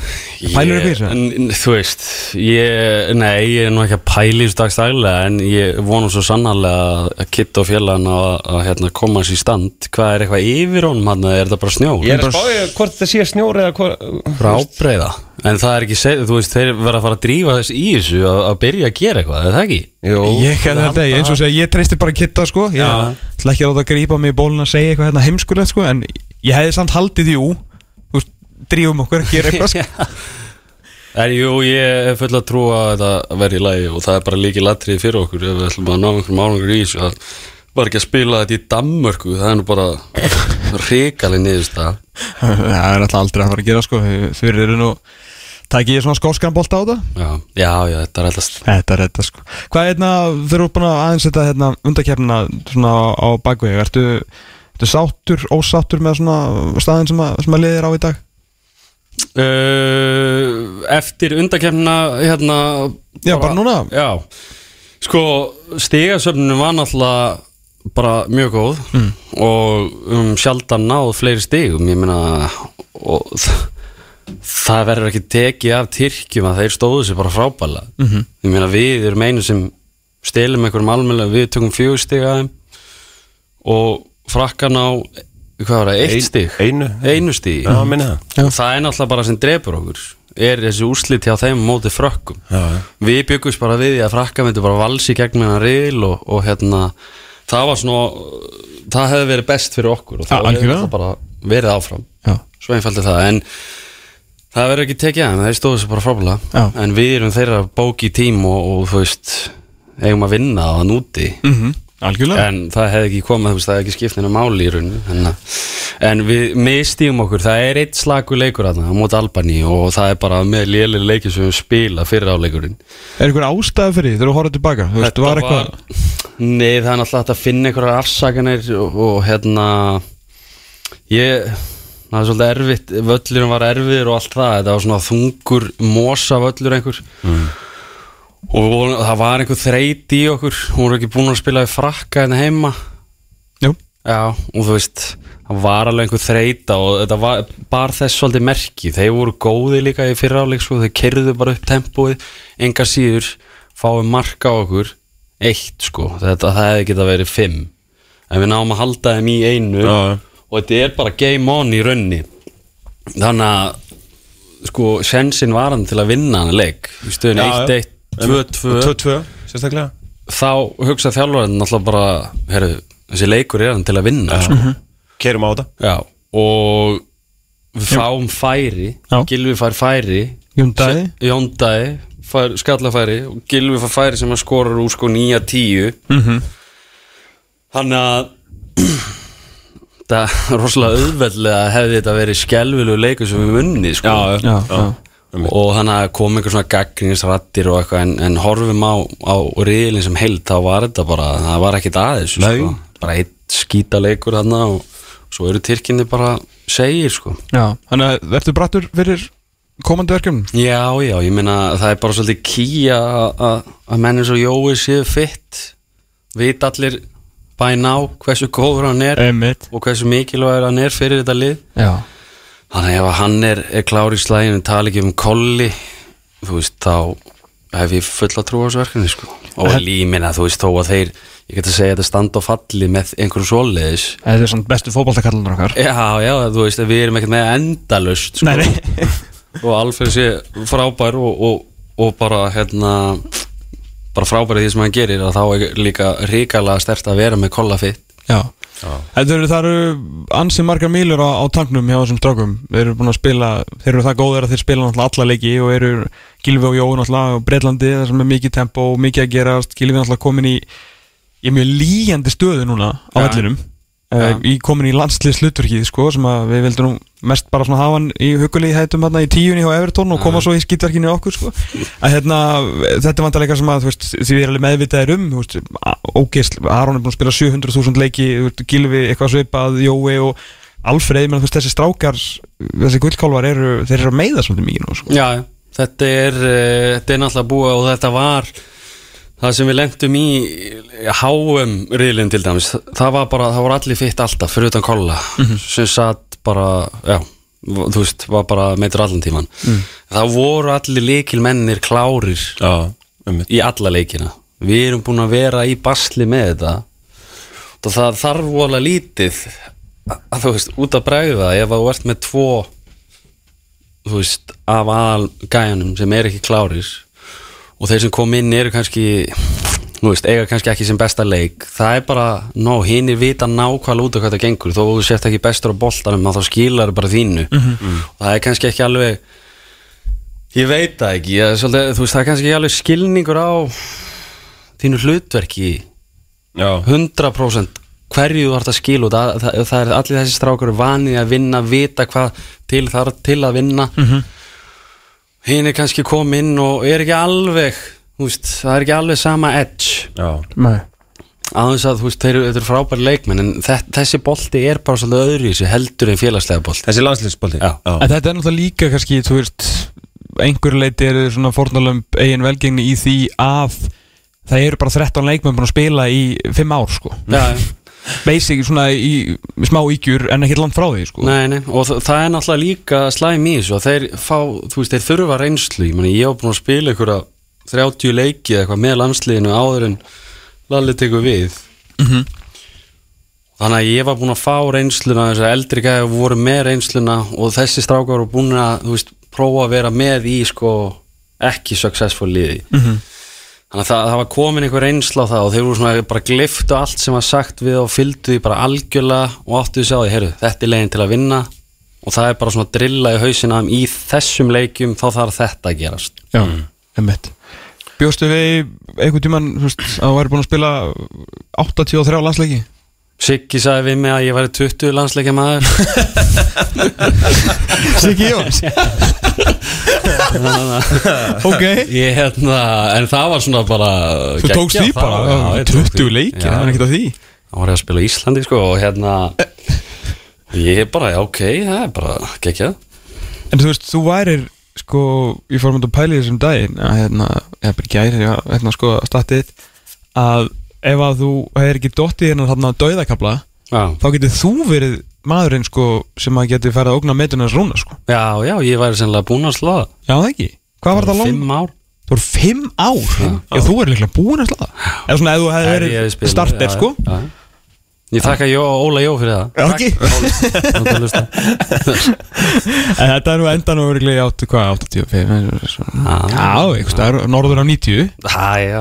Ekki? Sjá til, Hvað hérna, getur þú spilað uh, Rúmeníu og, uh, þú veist, við vinnum? Ertu Já. klári í Já, þreim dögur síðar? Já, já. Hvað er það, þrítar á milli? Það ekki, jú, þessu þrý Jú, jú, þetta er sko- Plús ferðalag Jú, ég er alveg Mér líður þannig að ég hef alveg viljað spila Molda auðleikin, sko En þetta er bara ákvörn þjálfurins í runni Já, já, þegar þið skiptuð þarna. Já, Já. og ég meina, þú veist, ég er alltaf, að, þú veist, mér líður eins og ég sé alltaf klár, sko, en eh, auðvitað því ég meittist þannig á móti Albani og þá skiljanlega hugsa þeir, já, ok, þetta er kannski tól ordir að að spila með tvekjadaða millbíl og, og ferðarlega öllu, Já, en ég, við erum með það gott sjúkrateimi og, og svona rehab að það á ekki að koma svo. Þú veist, eins og, eins, og, eins og eftir þegar við erum búin að vinna Rúmeníu ferðu þá bara í, í, á gólfið á flugvélin og lætur frikka bara setja olbóðan í lærið og, og nutta það eða hvernig Já, það er bara, já, það er ansið margt sem, sem þeir eru að, er að gera, Já. það er bara alls konar meðferðir. En Þú ert náttúrulega næstu í þryggja metra maður Þú veist, þú ferð ekki bara í, í, hérna Hvað er þetta, svona eh, Economy class Og situr þar bara, þú veist, í fjóra tíma Nei, við, þetta er nú oftast þetta er orðið mjög professional og, og svona þeir sem spiluðu daginn áður fá nú oftast upgrade Nó, þetta er- nó, No, no, no, no, Það no. svolítið- ekki amalegt. Ekki amalegt, sko Eh, Hérna, veistu hvað um þetta á Rúmeníu lið? Þegar, þú veist, ertu gæði sem pælir eitthvað í, hérna, anstæðingunum meira en þú veist það sem þú fara að sjá teipi hjá Frey? Nei, við, ég skoða bara með liðinu þegar við komum saman. Mm. ég, maður þekkir einhverja stráka náttúrulega frá rúminni og svona við tala við þá um, um liði og ég held að það sé eitthvað transition í þessu þeim. Það voru þeir hættir og voru í kringum sko 29 ára og þeim var bara droppað úr landsliðinu. Þannig að ég held að það sé verið að stokka eitthvað upp en svo bara fær maður teipin frá frá hérna frá Freysa. Já, já Hérna, ég var, þegar Chelsea er nú í gangi eh, eða búinn, eitthvað, eða ekki máli. Hérna Oliver Giroud var hann að skora, þú veist að segja eitthvað frá því hérna rétt á hann og kveitum á hljónum honum að þetta er, hvað veldur meina, besti leikmaður sem spila mótið það? Nei, vannmennasti? Þetta er alveg geggjaður leikmaður. Og svona í einna snertingabolta er þetta bara það er fáið betri í því heldur hann. Og svona link-upið ég myndi, hann myndi spila hjá mér bara alla leiki ef ég var í manager sko. Já, hann, já, já og snerting hann er, það er svo mikil gæði í þeim. Hann setur þetta einhvern veginn alltaf í hlauparlegina fyrir það og ef að menn er hann er svona uppspilspunktur. Já, og ógeðslega góður í því. Virkilega góður í því. Og líka því ég tók eftir einmitt hérna í, í barátunni við hann á á lögðarsöldunum síðast þar sem hann var einmitt geggjaður. Að að sko raskatið á hann er svo Ja, hann er- og stert að ég meina þú veist, þú er nú svona kannski þitt fyrir utan skallaðið en þá er svolítið þitt að koma þér framfyrir og pota. Já. Góður í því, ég meina þú veist. Hann er sko, já, hann er stór break, sko. og, og raustur sko, Já. það er rosa erfitt að eiga við hann og hérna en við vorum bara að byrja að leifa honum að fara út. Að hann áða til að láta hann fara bara genið klofi á sér. Mhm. -hmm. og stendur þú bak við hann. Kannski sér ekki boltan fyrir genið klofi á þér líka. Við lendum í þessu. Hérna á EM. Og en hann gerir allt í einni snertingu. Hann lætur hann bara fara ef hann sér að hlaupi er þannig tímasett sko. Já. og eitthvað svona þannig að það er bara betra að láta hann fara og vera bara fjóru tilbaka sko. einhvers það er eina Guðnarsson núna að faðma útvarpið, mikill sírumar mikill sírumar hérna, horfur á fótboltakari, já, já, ég gerir það. Heldur með einhverju með? Fyrir þetta vingi? Já, þú veist, ég er ekkert svona eitthvað fanatikal en ég, já, ég held með Liverpool en, en það er nú bara út að bróðum minn kom mér inn á þá línu þegar ég var lítill sko. ok, til að mikið með það. Daði. í dag? Já, Og þú, þú fylgdir honum í Liverpool En ekki val? Ég þetta var einhver svona draumur út að hann var í val og pappi var í val og afi var í val og eitthvað svona að- fara í val. Já, og já. alltaf langa alltaf, mamma sagði bara ok, þá tekur strætó og þá svona, að ok sleppi því. Svo let ég verða að því út af því að það var allt svona, við vorum sjö að æfa í víkinni. Já, já, já. Og Hvað árið þetta? þetta er einhvern veginn í kringum aldamót. Já, Já Það það var- annað það eða voru- það var 90 og þú veist Já. 7 Já. það voru nefnilega heldur sko dimmir tímar The 90s í vikinni sko. Já, þetta var ekki gott. Sko þegar ég var hættur og þá var alltaf hérna ringt, eða alltaf nokkur sinnum ringt í mig sko til að koma í markið þá þegar ég var ekki mann að mæta kannski á æfingu í mánu, ég var bara hættur sko. Mm. og þá vorum við 11 með tvo markverði þannig að Kali spila alltaf frammi Þetta var svona, við ringdum bara á strák og hverfinu þegar Mm. þú verður að leysa vinstri bakurinn í dag. Bara ekki búin að snerta bolta í halvt ár. Þegar maður kom að inn sko þú veist, í, ég mæti náttúrulega í sko í Champions, Já. Það er bara nýtt hús Íslandsmeistarar, allt í blúsandi svingi og Já. svo kom bara miðaldir. Já, já. bara í ókjasta langa tíma. dark times. Það voru helviti dark time sko En hérna, þá fór ég eitthvað í val og svo, já, ég bara fílaði ekki að vera ekki með vini mínum hana. Þetta var svona, þú veist, þetta átti bara gaman og þetta var bara hundleðilegt. Já. Allir helga þjálfari og Benni og svona. nákvæmlega Það var ekki að nennan því. Hitt hann hverjum degi Ræðilega örlega fyrir hvert sem er sko. Hérna Hérna Já, þá tók sko, það var uh, svolítið hefni að Ingvar Jóns tók við Já, og hann byrjaði svolítið að rekrúta strákuð þrótti og hérna og það þannig að liðið svona styrti smá saman og við höfum bara orðnir hörku lið undir lokin þegar ég var elstárið þannig að þetta var allt annað. Já, einhver leikum í kennar í réttálaskóla og svona Já þjálfari. Þjálfari og hérna og eitthvað svona einn mesta perlan sem hefur komið Já. í svona í þetta hverfi sko. Stórgóðslega maður, sko, stórgóðslega maður. En þannig að þegar þú keir hún í vík í dag veist, eftir hérna að upplifa þessa meðaldur skilur, að sjá völlur eins og er í dag þú veist, hérna þá æfingakrassi sem ekki eitthvað frábært en þú veist að það er völlur aðna og þetta er, þetta er allt annað þegar þú fórst.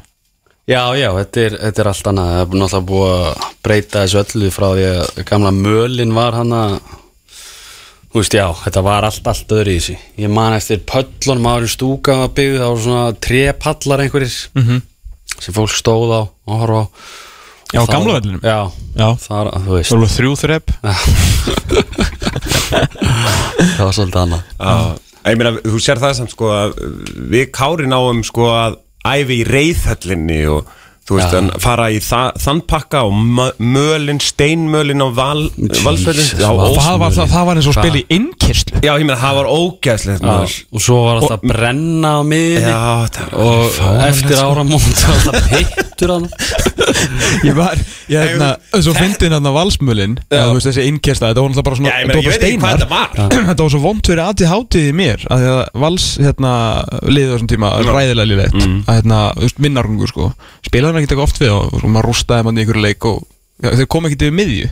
Svo kallt ég henni kalla bara, Tommy þá er þeir komin sko tveira mútið markmanni og þá er ég svona að teikna myndir í möluna með fæturum og alveg hættur bara ég veit það. En veist, hvern, hættur. hvernig er hérna, þú veist, eins og þegar þú kemur heim og þú veist, þú sér þess að dúkkulísu sem eru að alast upp núna, þeir bara fá eitthvað gerfigras og veist, þetta veður og eitthvað svona, þú veist, mann eftir einhverju strætóferða sem að þurft að fara upp í árbæ og lappa í sko blindbil til að fara á æfingu í reyðhöllinni, sko. Já, þetta er er annað. allt annað ballgame sko, og, og, og þeir eru orðnir náttúrulega miklu betri í fótbolta heldur en við nokk tíðan vorum sko. Já, já. og hérna rosa gæði í þeim en, en þú veist það er náttúrulega búið að tala um þetta endalaust en, og ég er ekkert eitthvað að reyna einhver rosa jaksl sko en þetta, þetta setur alveg hára á bringuna það, sko. að æfa í reyðhöllinni þetta var eins kröngt og hægt er og bara með einhverja sko jarðvítur að æfa hana með Mhm. Og þannig að þetta var bara basically hættulegt. Og ég tala ekki um hérna ég sá nú nokkuð fótbróta og gerfigrassinu sem við erum að horfa á hérna gamla lögðasgrassið Sandgrasinu? Já, Jésu þú veist, þetta var ekkit grín sko. Þú ertu bara að hugsa um sjálfa þig, þú ertu bara að passa upp á þig. Þannig að Sko ég, ég aðeins svona þróttaragrasinu á sinn tíma Já. Þegar það var sko ísilegið og þá er ég meina sko eins og Reykjavíkur tjörn Já. og það var svona, það voru leysingar þannig að það voru svona sprungur hér og þar sko. Og þú veist bara að maður hafi ekki mist fótinn. Ég já. man ég satt hérna ég var hérna ég var Anton Örn Reynisson vinur minn, mikill vingur og hérna, mann í kostum maður stættunum vorum hann saman eitthvað. Og vorum bara að horfa hvað annað, bara hvað er í gangi þú veist, svo við vorum bara að skauta. En það bara að því þú fyrst að voru gerfigrassi þá var þetta bara, þú veist, the thing, sko. Ég held að þetta, þetta verður til þess að sko, það verða meiri gæði.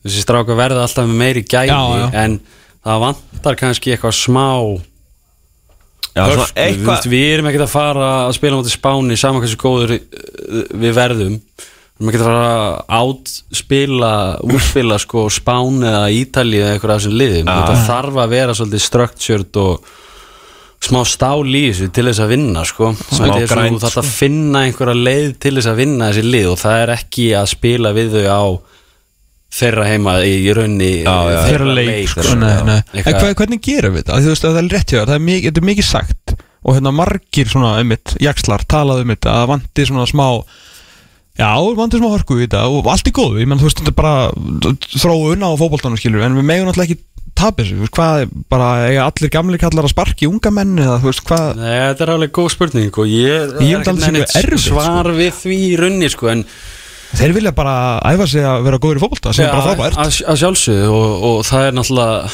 leiðin í nút en þú veist, við þurfum líka stóra, sterka kröftu að stráka sko eins og og geða það er náttúrulega hjálpar þeir alltaf að vera góður í fótbolta það er ekki spurning Nei. en það þurfa kannski menn sem eru vaksnir það er engin að að búast við að Ágúst Linsson verði hérna einhver jarðvítar sko. Nei, nei, en þess þá Hann heldur getur að fara fram hjá þremur jarðiðum Já, sko.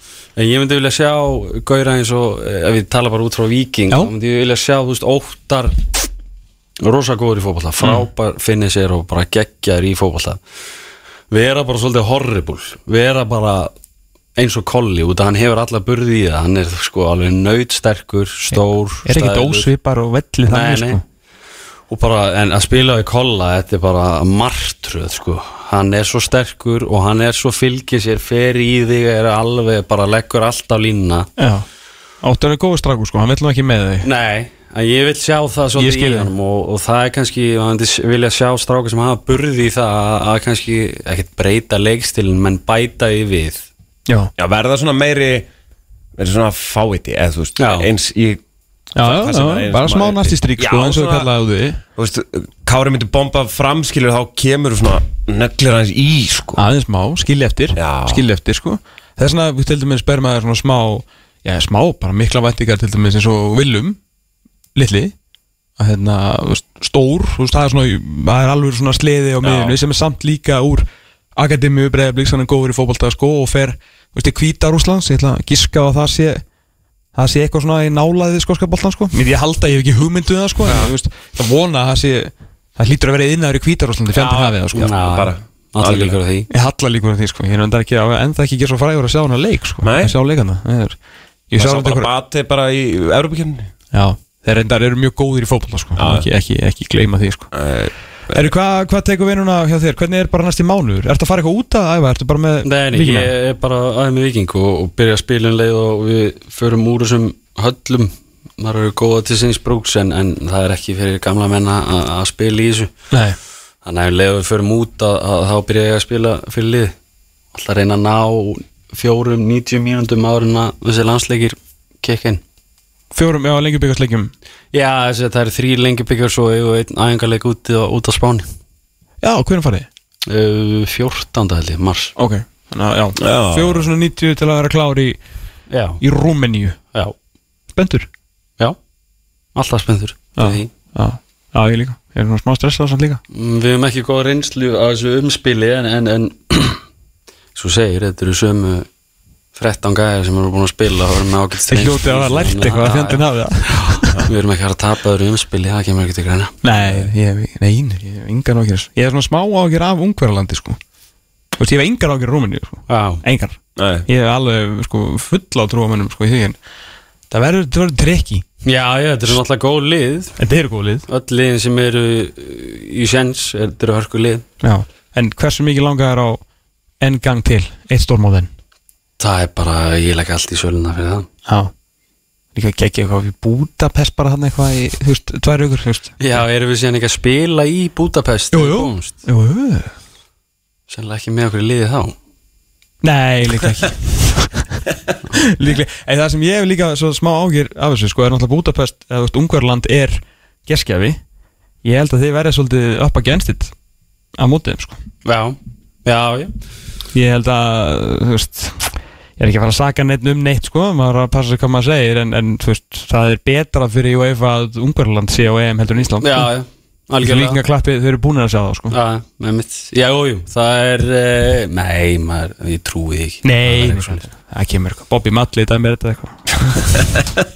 Hann er komin úr útliðin í Nóri Já, það finnast það í nokkuð tímann. Vita að, að refsingin fyrir uh, svona mjög ófallegt uh. Snapchat Já, það er ekki það var ekki að grína hérna, föllu já, já En refsingin fyrir það eru tvö orði í Nóri sem ég finnst bara mjög fer sko. Já, já. Bara fara til Nóri í tvö orð ræði lörlega fyrir hvert sem er sko.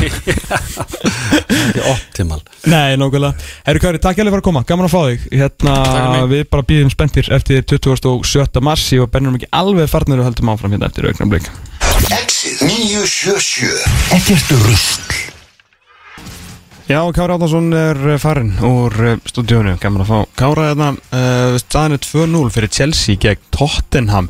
Marcos Alonso skoraði annað markið eh, Oliver Giroud með það fyrra og þetta var heldur betur huggulegt mark uh, þrjumu flegu fyrir utan teg sem að söng í horninu.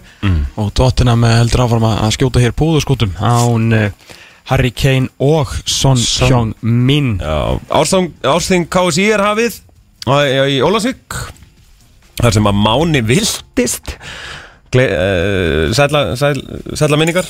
Hann hérna uh, lagða stað frá Garðabænum sínum ást kæra og, og viltist til Ólasvíkur þú veist að ringi vegagerðina.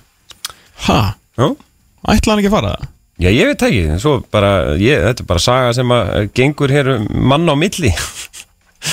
Að hérna hann hafi týnst á leðinni sem er mjög skemmtilegt. En ástingið er semst hafið og það er háttvísur velun Það er alveg bara búið að sko Ha? dundrút háttvíðisvelunum Já, Ég nú bara aldrei síðan aðeins. Fyrst til Kvenna uh, Ungmennafélag Langnesingar Hlítur Grasvölda velun KSI Háttuselni Örnar til Kvenna Það er Gróta uh, Völsungur Völsungur. Karla Kávaf og Reynir. Háttuselni KSI fyrir þriði til Kalla. Og hvað? Berserkir Háttuselni fyrir fjóru til Þetta er orðið einhver vikingstáttur hérna. Já, það er alltaf, alltaf þegar ég fæ að stýra þessu. Það er þannig. Það er alltaf stóra Og hafliði breyfir Já, heldur betur, heldur betur. fekk verðskuldaða viðurkenningu sem uh, fjölmjölaðan hana dittuna fyrir uh, uppbygginguna á fótbolti.net undanfærin ár, það er komin sko f- 14 ár held ég, 13 og 14 ár síðan að fótbolti.net fekk fjölmjölaverðin KSI Já, ok. Já, þú veist, 2006 sko. Það er og komið ansið langur tími síðan. En stóra náttúrulega sem allir vera er að býða eftir hvað, hvernig fer þetta með eh, fjölgun félaga í Pepsi Max deildinni eða Pepsi MX deild kalla en svo stendur á um, VF KSI og það er náttúrulega skagamæriðir sem er að reyna að fjölga upp í 14 lið í eh, deildinni. Íslandsmóti meistarflur Skarla skal þáttakandi liðum skipti 5 deildir, efsta deild skal skipuð 14 liðum en ekki 12 eins og er núna og eftir að sjá hvort að þetta verið tekið fyrir, hvort það verið sett í nefnd eða hvernig þetta endar allt saman? Það þarf 2.30 að ég held öruglega til að segja já við þessu. Já, Þannig að Já, og svo náttúrulega líka er skafa mig líka að vilja fá uh, Dómarana. dómarana Já. í, í annar flokkin já. Þannig að þetta er Það er fjórar tillögur minni mig. Var það ekki, fyrir, sem liggja fyrir ástinginu Það er ekki bara, það er skagamennum með þrjár og í er eina, eða ekki Jú, eða sérst í, í lagabreitingu Já, já, lagabreytingu. til álíktunar Já. sem, sem er eitthvað, eitthvað annað. Herru, elski boltin eldur áfram klukkan uh, þrjú verður ekki með leiki betnið á þeim tíma þessum að þennan daginn, Börnlei, Jó Berg uh, hann er vondi komin aftur í hóp. Mm. -hmm. uh, vandlaðan sjóndagist talaðan það. Palace tekur á mæti Newcastle, Sheffield United fær Brighton heimsókn og Southampton mætir Aston Villa. Síðan er frábæð leikur í síðdeginu uh, um, 17.30 Leicester, Manchester City. Það er góð leikur, sko City menn, þeir voru nú uh, ég verða svona ekki döður allir með og Guardiola ætla bara að vera áfram. Já uh, Ég uh, Ég veit ekki Ég, sko, ég, hérna Ég sá nú einhvers staðar að hérna að loka hérna hurðina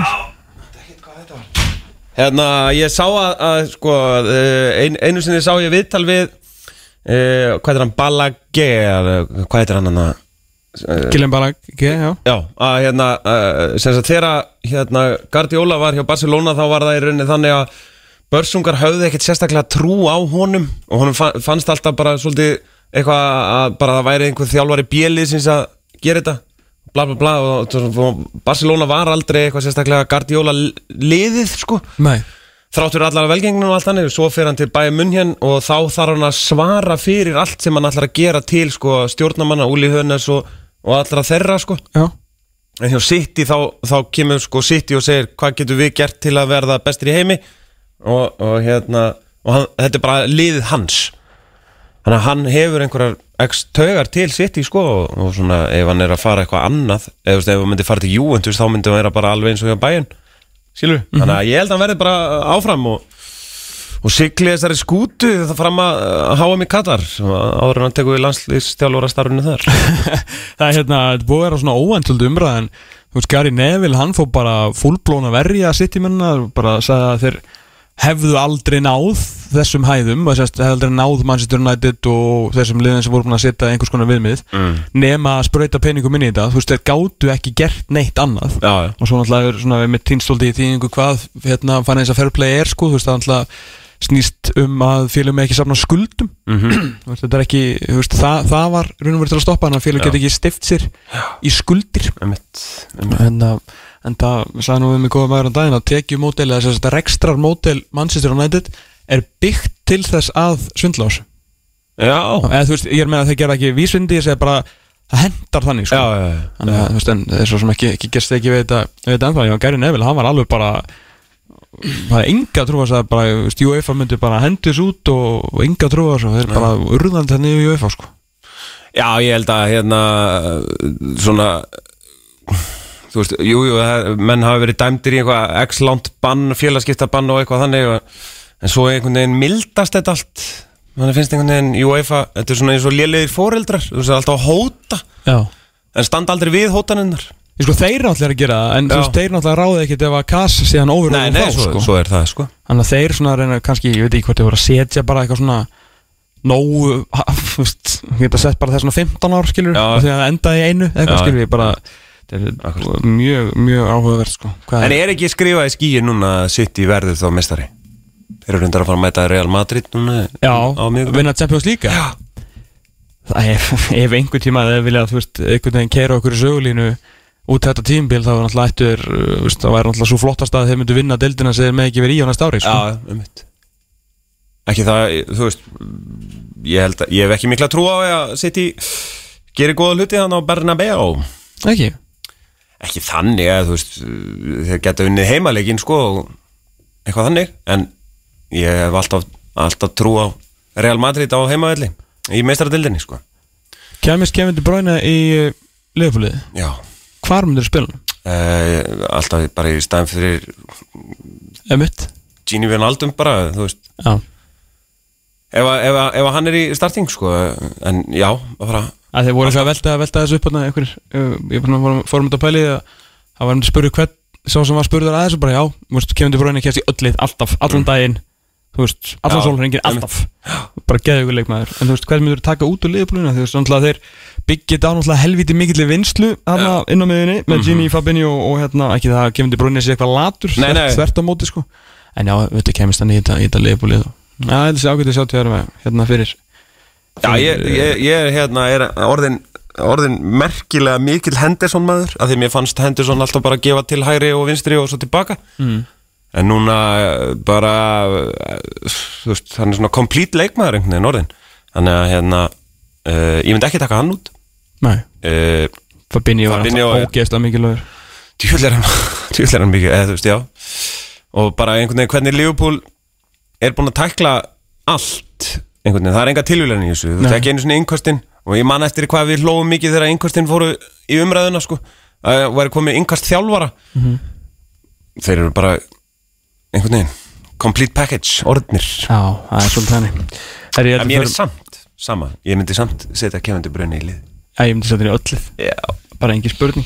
Herri, ég ætla að fá mig kaffi. Já, ég heldum að fara að uh, slaufa þetta slaufa þessum, þannig uh, laugardaginn við heyrðum hér fyrir þættunum í Cesare Margetti skóska ítalunum sem er umbásmaður Harðaningar Gunnarssonar Hotta Löpp sem að við komast frá IA til FH til uppeldis félagsins vorum með Kjára Átnánsson hérna í löngu og skemmtilegu spjalli og fórum aðeins yfir gamla leikin sem við á að gera Arsenal Manchester United frá þeirri 2003 Kleipur að þessu koma inn á fútbolti.net þátturinn inn á Vísi og við óskum bara elvar í ger, allsins besta í uh, og lífsins lind, eh, njóta lífsins listi semda í eh, Liverpoolborg þar sem hann er farastjóri áleik Liverpool og Vestham sem fyrir með, fara með á, á mánudaginn.